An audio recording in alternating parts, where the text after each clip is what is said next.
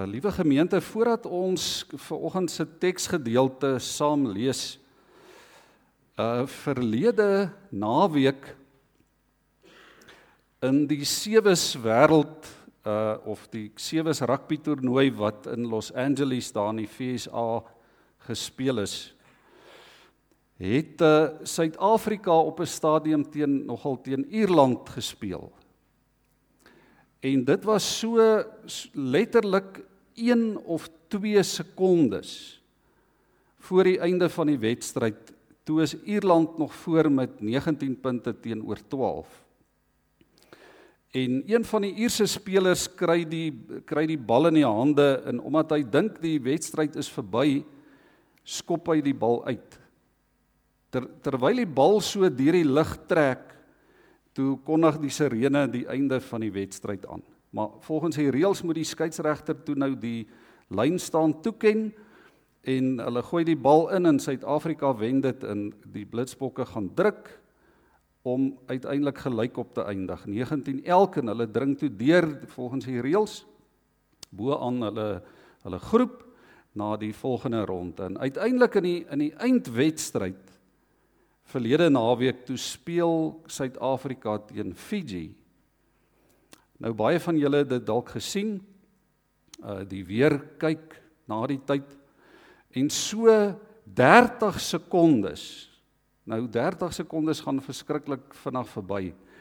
Toe is Fiji nog voor uh 24-12. En Suid-Afrika gaan druk toe. Dis amper 'n uitgemaakte saak. Fiji gaan nou wen hierdie wedstryd en die toernooi en Suid-Afrika gaan druk en die telling is 24-17. En toe gaan dit nou al oor in in ekstra in in beseringstyd in die ou taal. En die spel gaan aan en so omtrent 'n minuut na gewone speeltyd toe druk Suid-Afrika weer in hulle krye 'n moeilike skop, 'n doelskop so van amper van die kantlyn af kry hulle oor en dit is 24 elk. En toe is daar ekstra tyd want daar moet 'n uitslag wees as dit gelykop is en na omtrent 4 minute toe druk Suid-Afrika weer en hulle wen daai wedstryd wat deur baie ouens beskryf word as een van die beste wedstryde wat hulle ooit gespeel het wen hulle 29 24 en hulle wen die toernooi. Ek weet nie wie van julle dit gesien het nie, maar dis nou soos die soos die Engelse sal sê dit was nou amazing. Dit was nou uit die boonste rakke. Dit was baie goed. En 'n mens kon ook nie eintlik anders as om dalk so 'n bietjie tong in die kies te wonder was die blitsbokke nou regtig so goed of was die genade net so groot nie? Nou vir oggend se se boodskap gaan oor oor genade. Ehm um, en ons kan 'n groot les glo ek leer uit dit wat ons gesien het en dit wat gebeur het. En dit is dat ons nooit ooit as gelowiges moet dink dis klaar voordat dit klaar is nie. Ons moet nooit ooit moed verloor nie. Ons moet nooit tou opgooi nie. Moet nooit die handdoek ingooi nie. Moet nooit vir jouself onder watter omstandighede ook al sê nou is dit te laat nie. Of nou is dit klaar met my nie. Baie dikwels as ons dink aan die geskiedenis dan is die die grootste en die belangrikste wedstryde is baie keer diep in beseringstyd gewen of verloor. Die grootste dinge in die lewe, van die belangrikste goed in hierdie lewe op aarde, gebeur baie keer diep in beseringstyd. En kom ons lees hierdie teksgedeelte vir oggend uit Lukas 23 vers 38. Ons gaan net 'n 4 of 5 verse saam lees. Vers 39, ekskuus. Een van die misdadigers wat daar gehang het, het Jesus gelaster deur te sê: "Is jy dan nie die Christus nie? Red jouself en ons ook." Maar die ander een het hom tereggewys en gesê: "Is jy nie bang vir God nie? Jy ondergaan tog dieselfde straf as hierdie man." In ons geval is dit geregverdig want ons ontvang die verdiende straf vir ons dade. Maar hierdie man het niks verkeerds gedoen nie. Verder sê hy: Jesus dink aan my wanneer u in u koninkryk kom. Jesus antwoord hom: Ek verseker jou, vandag sal jy saam met my in die paradys wees. Ons lees dit eintlik 'n hele paar keer in die Bybel hoe dat mense letterlik in die laaste minute van hulle lewe deur God begenadig word. Uh een van die groot of beste voorbeelde seker kry ons in die Ou Testament in die lewe van koning Hizkia. Ons lees daarvan in Jesaja 38 hoe dat Hizkia 15 ekstra genade jare by sy lewe toegevoeg kry. Selfs Dawid getuig op baie plekke daarvan hoe dat die Here met sy genade hand in in krisistye in sy lewe ingegryp het en hom gered het, hom uitgeruk het. En seker die bekendste voorbeeld van iemand wat in beseringstyd daar agter die doodlyn uitgehaal is is hierdie voorbeeld van die man langs Jesus aan die kruis. Terwyl hy daarso hang, hy hang letterlik tussen die hemel en die aarde. sien hierdie man iets raak. Hy sien iets raak wat die goewerneur Pontius Pilatus nie raak sien nie. Hy sien iets wat die groot en belangrike koning Herodes nie raak sien nie. Hy sien iets wat die kerk van daai tyd die hoëpriester, die Joodse raad nie raak sien nie. Hy sien wie Jesus regtig is. Hy sien die grootheid van God. Hierdie man het presies geweet waarna toe hy op pad is. Sy hele lewe lank werk hy hard aan hierdie eindbestemming aan sy ewige aftreepakket. En nou hang hy daar met die dood se grynslag soos 'n doodloopstraat hierso voor hom. In die pikdonker land van die dood is sy eindbestemming. En toe besef hy, hy besef maar Jesus is op pad na 'n heerlike ewige toekoms. En daarom begin hierdie man bedel. Hy bedel net 'n gedagte by die Here. Meneer dink aan my. En dis nogal opvallend. Hy hy vra nie vir die ewige lewe nie. Hy vra nie vir 'n belangrike sitplek of vir 'n ereposisie daar in die koninkryk van God nie. Hy hy vra ook nie vir nog tyd nie. Hy vra nie vir nog kansse nie om dalk te gaan regmaak wat hy verbrou het nie. Hy vra dat Jesus net 'n 'n oomblik aan hom sal dink. Dat die Here net sy lyding vir 'n kort kort oomblikie sal verlig. Hy vra net een genade gedagte by die Here. Dis soos in die storie van Lazarus en die ryk jong man. Uh vra hy net vir 'n vir 'n klein bietjie genade water. Net 'n druppeltjie of twee, net vir 'n sekonde of twee, niks meer nie. En toe kry hierdie ou oneindig meer as wat hy ooit kon droom of kon bid of kon vra. Die sluise van die hemel gaan letterlik oop bokant hom. Daar word 'n rooi tapuit in God se koninkryk word vir hom uitgelê. Vandag is jy saam met my in die hemel. So Jesus dink aan hierdie klein nietige mens. Hy sien hom raak. En God kom en hy steek sy genadehand uit na hom toe. 'n Veroordeelde se heel laaste oomblikke word sy beste ooit op aarde.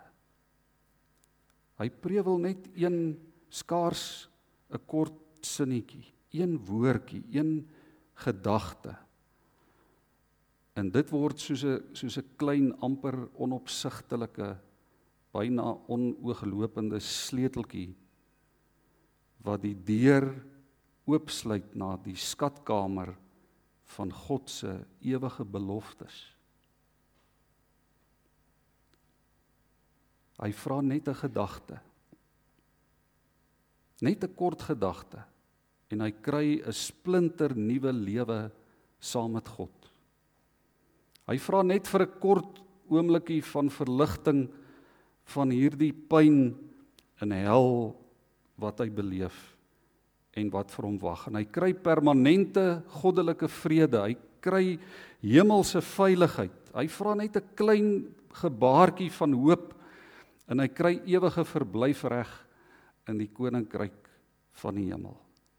Hy vra vir 'n klein gunsie iewester in die toekoms en Jesus antwoord hom teen die spoed van genade in 'n kort oomblik word hierdie klein mens 'n kind van God.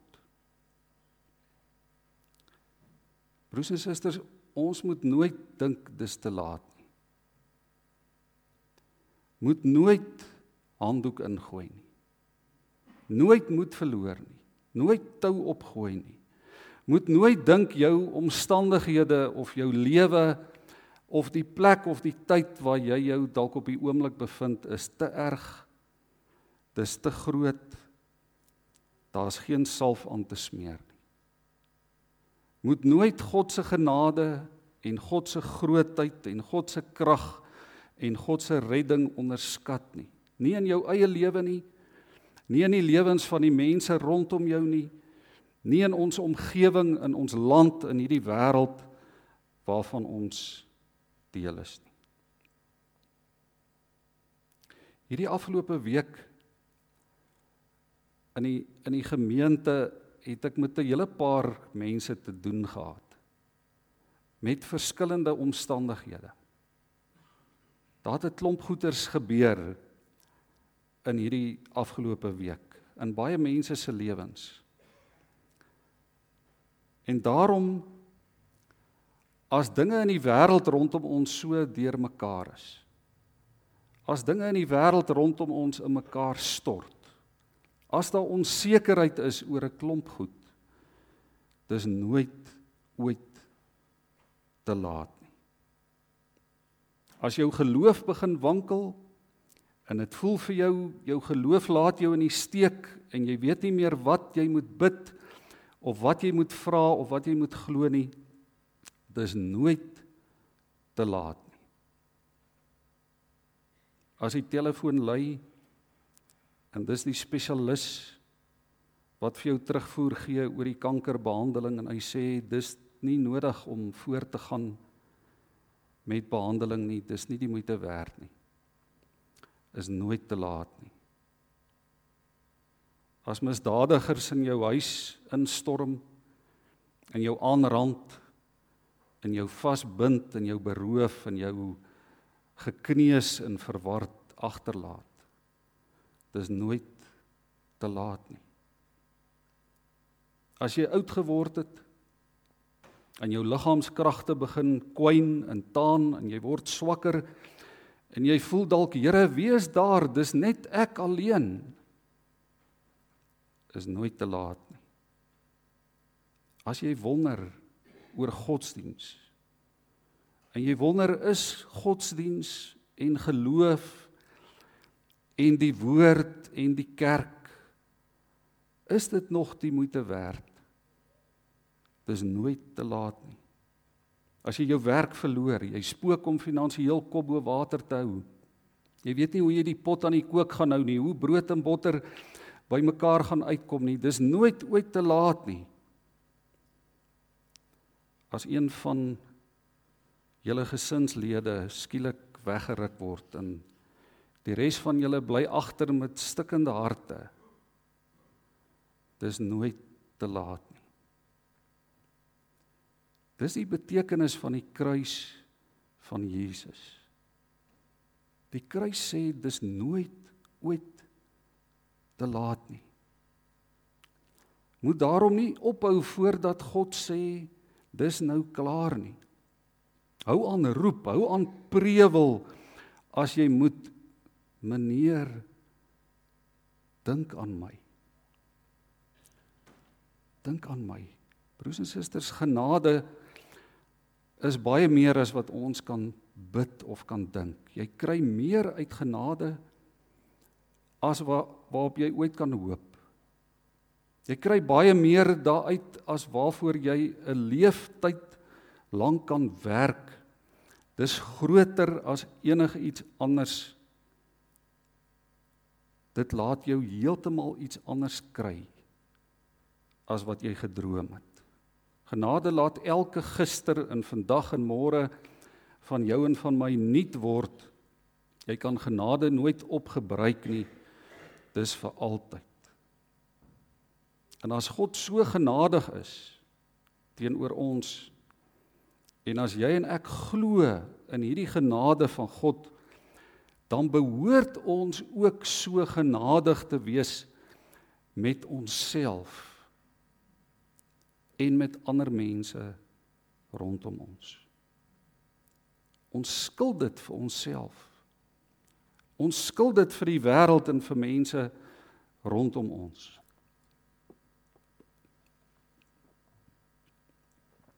By die Here is dit nooit te laat nie. En daarom probeer die foute wat jy gemaak het regmaak. Gaan sê jy's jammer. Gaan vergewe. Gaan praat met God. Gaan maak jou saak reg met die Here. By die Here is dit nooit te laat nie. Probeer weer. Staan op. Probeer weer. Die Amerikaner Robin Norwood het 'n het 'n boek geskryf met die titel Why Me? Why this? Why now? En in die boek vertel sy van 'n baie wyse ou vriend van haar. Hy het 100 jaar oud geword. En eendag kom sy by hom en hy vertel vir haar hy het oor die radio het hy gehoor van hierdie van hierdie uit hierdie berig gehoor van 73 mense wat in 'n vliegramp hulle lewe verloor het. En sy sê hierdie hierdie bejaarde ou vriend van haar was baie ontsteld. Hy sê vir haar maar maar hoe kan hulle sê 73 mense het hulle lewens verloor? Ons kan mos nie ons lewens verloor nie. Hy sê hulle hulle moet eerder sê 73 mense het hulle liggame verloor. Ons liggame sterf, sê hy, maar ons siele bly lewe. En broers en susters, dit bring ons maar net terug by by 'n vraag wat wat ons hierdie jaar nou al 'n paar keer gehoor het is dit wel met jou siel? Is dit wel met jou siel? As ons dink aan Jesus se woorde aan die kruis verlede Sondag ook, dan is dit woord, dis genade woorde. Dis woorde wat spreek van genade, van God se ruim oop hart vir sy mense, vir mense wat hy liefhet, vir alle mense, vir almal, vir sondaars. God se ruim hart En dis ook woorde oor die ewige lewe. En nou is dit so dat die meerderheid mense vandag glo nie in die ewige lewe nie. Die meerderheid mense glo nie in die hemel nie. Glo nie in die hiernamaals nie. Die kruis van Jesus en dit wat daarna gebeur het vertel vir ons twee dinge. Dit vertel van 'n God soos Johannes 3 vers 16 sê wat hierdie wêreld so liefhet dat hy sy seun na hierdie wêreld toe stuur om hom aan 'n kruis te laat sterf vir ons sonde. Maar dit vertel ook van die dood wat oorwin word sodat ons vir ewig saam met God kan lewe. Jy en ek is geskep om 'n lewe te leef in verhouding met God. En deur die kruis van Jesus word ons swakheid oorwin, word ons onvermoë oorwin, word ons sonde oorwin, word die dood oorwin en gee God vir ons daai sleutel om vir ewig saam met hom te leef. Iemand het eendag gesê hierdie twee ouens wat langs Jesus aan die kruise hang is eintlik verteenwoordigend van van die ons menswees in sy twee uiterste forme. Aan die een kant hang daar die natuurlike mens. Die mens wat sê maar ek kan self. Ek sal self sorg. Ek maak my eie reëls. Ek kan self regkom. Ek wil bid net wanneer ek wil bid. Die mens wat stry en beklei teen die wil en teen die plan en teen die woord van God. Die mens wat niks van genade wil weet nie. Die mens wat niks met God te doen wil hê nie. En aan die ander kant hang daar die die siel wat ontdek ek kan nie sonder God lewe nie. Ek kan nie sonder God lewe nie. Daarom leef jou lewe. Nie om maar net eendag iewers in die toekoms te sterf nie. Maar leef jou lewe soos iemand wat op pad is na ewigheid om vir altyd vir ewig saam met God te wees. Saam met Jesus te wees. Baie wedstryde is al in beseringstyd gewen of verloor. Moenie moed verloor nie. Moenie tou opgooi nie. Dis nooit ooit te laat nie. Gryp genade en laat genade jou vasgryp. Die lewe is vol genade oomblikke. God gee dit vir ons elke dag. Elke dag is vol genade oomblikke. Elke oomblik is 'n genade oomblik uit die hand van die Here. Al hang jy, voel dit vir jou jy hang tussen hemel en aarde. Al voel dit vir jou jy's vasgespijker aan 'n kruis. Meneer, dink aan my. Sy genade is vir jou genoeg. Amen.